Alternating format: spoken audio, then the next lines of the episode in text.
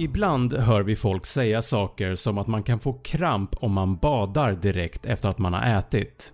Eller att om man sväljer ett tuggummi så stannar det kvar i kroppen i flera år. Eller att man blir förkyld av att det är kallt. Idag så ska vi spräcka hål på 10 olika myter om kroppen. Att bada eller simma direkt efter att man har ätit kan orsaka kramp. Den här myten hörde man ofta som barn. Men var kommer den ifrån egentligen? Och är det sant? Man tror att ursprunget av den här myten är helt enkelt att föräldrarna vill ha lite lugn och ro på stranden efter maten och inte behöva springa efter sina barn direkt efter att man har ätit. Och då upptäckte några föräldrar att man helt enkelt kan lura sina barn genom att påstå att de får kramp om de badar direkt efter maten. De brukar säga att blodet förflyttas och fokuseras på matsmältningen vilket då skulle göra att man förlorar styrkan i armarna och benen. Svenska Livräddningssällskapet säger att det snarare är tvärtom. Att simma eller bada med tom mage kan göra så att man inte har tillräckligt mycket energi och det kan i sin tur leda till kramp. Så med andra ord, det är inte farligt att simma eller bada direkt efter att man har ätit. Förlåt mig alla föräldrar därute.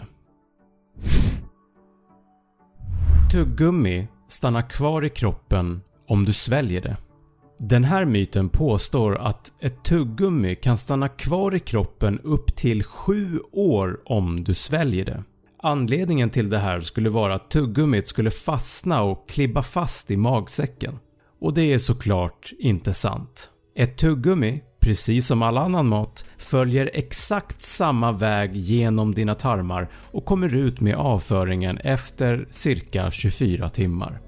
Däremot så har kroppen svårt att bryta ner tuggummin precis som majskärnor och därav kan tuggummit komma ut ur kroppen och se ut precis som när det kom in. Men det finns ingen risk att det fastnar på vägen. 5 sekunders regeln Det här är inte en kroppsmyt egentligen men jag tar med den ändå. Den här myten säger att om du tappar till exempel mat eller godis på golvet så har du mellan 3-5 sekunder på dig att ta upp det innan bakterierna på golvet hoppar på maten. På Rutgers University i USA så testade man det här. Man testade att lägga flera olika livsmedel på olika ytor för att sen mäta hur snabbt bakterierna hoppade på maten.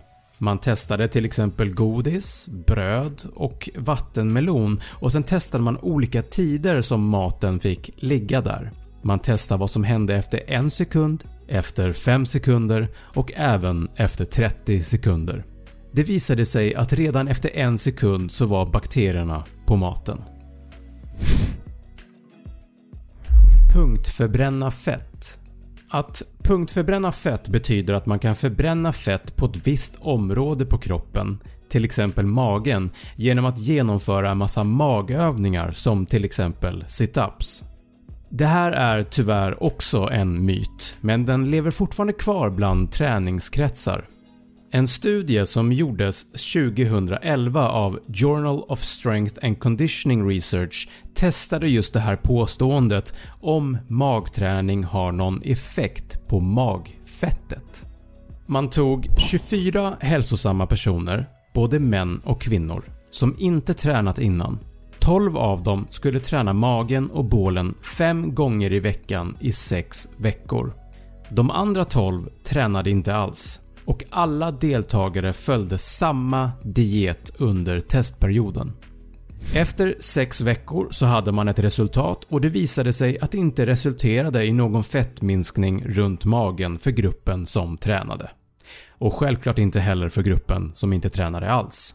Däremot så fick träningsgruppen starkare magmuskler av träningen Slutsatsen är helt enkelt att du kan inte välja ett specifikt ställe på kroppen där du vill bränna fett genom att bara träna det området. Juice Detox För några år sedan blev det väldigt populärt med juice detox. att genom att enbart dricka olika typer av juicer i 5-7 dagar skulle avgifta kroppen. Att det byggs upp slaggprodukter i kroppen som inte rensas ut om vi inte dricker de här juicerna. Men vad säger vetenskapen? För att förstå varför Juice Detox inte hjälper dig att avgifta kroppen så behöver vi först förstå hur olika typer av gifter behandlas av vår kropp. Vår lever är kroppens alldeles egna avgiftningsmaskin. Det är där döda celler, enzymer, överskott av hormoner och gifter bearbetas. Det är helt enkelt leverns jobb att ta hand om de här sakerna och efter att de har bearbetats i levern så åker restprodukterna ut med avföringen eller återupptas av blodet och rensas på nytt via njurarna. Njurarna ser också till att skadliga substanser och restprodukter lämnar kroppen via urinen. Så med andra ord, kroppen har alla funktioner som krävs för att rensa ut gifter ur kroppen och det finns inga vetenskapliga belägg för att en juice skulle hjälpa till med det här. Du blir förkyld av kyla. “Jag känner mig lite förkyld” säger du. “Ja, du var väl för tunt klädd när du var ute sist” säger din vän. Det här får man ofta höra. Att man blir förkyld av kylan. Det kanske låter logiskt men enligt ett flertal studier så har förkylning ingenting med kyla att göra. Det har med virus att göra. Och anledningen till att vi blir mer förkylda under vinterhalvåret är för att vi spenderar mer tid inomhus och är därför mer utsatta för virus från andra människor än när vi spenderar mer tid utomhus. Däremot så finns det studier som visar att förkylningsvirus är mer aktiva i kallare temperaturer och att immunförsvaret kan påverkas negativt av en sänkt kroppstemperatur. Men då måste kroppen vara så pass nedkyld under en väldigt lång tid att man nästan är medvetslös. Och så nedkyld blir man inte om man till exempel går ut och hämtar posten i t-shirt på vintern. Det är farligt att knäcka fingrarna. Ljudet av fingrar eller knogar som knäcks kan upplevas som obehagligt eller behagligt beroende på vem du frågar. Men är det farligt? Och var kommer det här poppande ljudet ifrån? I en studie från 2011 som genomfördes av en amerikansk läkare vid namn Kevin De Weber så undersöktes 215 stycken människor som antingen regelbundet knäckte sina fingrar eller som aldrig gjort det överhuvudtaget.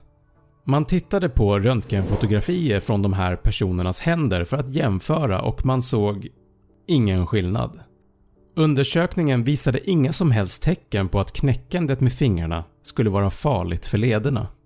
En annan studie gjordes av en amerikansk läkare, Donald Unger. Han gjorde en undersökning på sig själv och ville se om knäckande med fingrarna kunde ge ledvärk eller artros i fingrarna. Varje dag i 60 års tid så knäckte han med fingrarna på sin vänstra hand och lät bli att knäcka med fingrarna på sin högra hand. Sen jämförde han resultatet efter 60 år av knäckande och det visade sig att det inte var någon skillnad mellan hans händer. Men var kommer ljudet ifrån? Det är inte benet inne i fingrarna som slås mot varandra. Ljudet orsakas av när lederna dras isär i till exempel fingrarna så minskas trycket i ledvätskan mellan dem och gör så att en gasfylld hålighet bildas vilket ger ifrån sig ljudet. Sen tar det ungefär 15-30 minuter för de här gaserna att lösa upp sig i ledvätskan vilket gör att du inte kan knäcka med fingrarna direkt efter att du gjort det. Så slutligen, det finns inga bevis för att fingerknäckande skulle vara farligt. Att sitta för nära TVn kan ge dig fyrkantiga ögon. Nej, det är inte sant. Däremot så kan man bli trött i ögonen av mycket TV eller skärmtittande och det är för att man blinkar mindre när man tittar på en skärm. Människor har fem sinnen. Syn, hörsel, lukt, smak och känsel. Det är alla våra sinnen. Eller? Vi har faktiskt ännu fler sinnen. Över 20 stycken faktiskt. Bland annat balanssinnet, men också termoception, sinnet för att uppfatta temperatur, det vill säga värme och kyla. Eller proprioception, sinnet för uppfattningen av var dina kroppsdelar befinner sig. Att du helt enkelt är helt medveten om, utan att behöva tänka, var dina kroppsdelar är någonstans just nu. Testa att blunda och försök att nudda din näsa med ena fingret. Förmodligen så klarar du av det utan några problem. Styrketräning förvandlar fett till muskler. Om det ändå vore så. Sanningen är att muskler och fett är två olika vävnadstyper i kroppen. Muskler kan inte förvandlas till fett och fett kan inte förvandlas till muskler. När du styrketränar så bygger du upp dina muskler och det kan i sin tur göra så att du även ökar din fettförbränning för att du är mer aktiv. Men fettet i kroppen omvandlas inte på något sätt till muskler. Eller tvärtom. Det var 10 myter om kroppen. Känner du till någon annan myt som inte var med idag? Dela gärna med dig i kommentarsfältet. Och som alltid, tack för att du har tittat!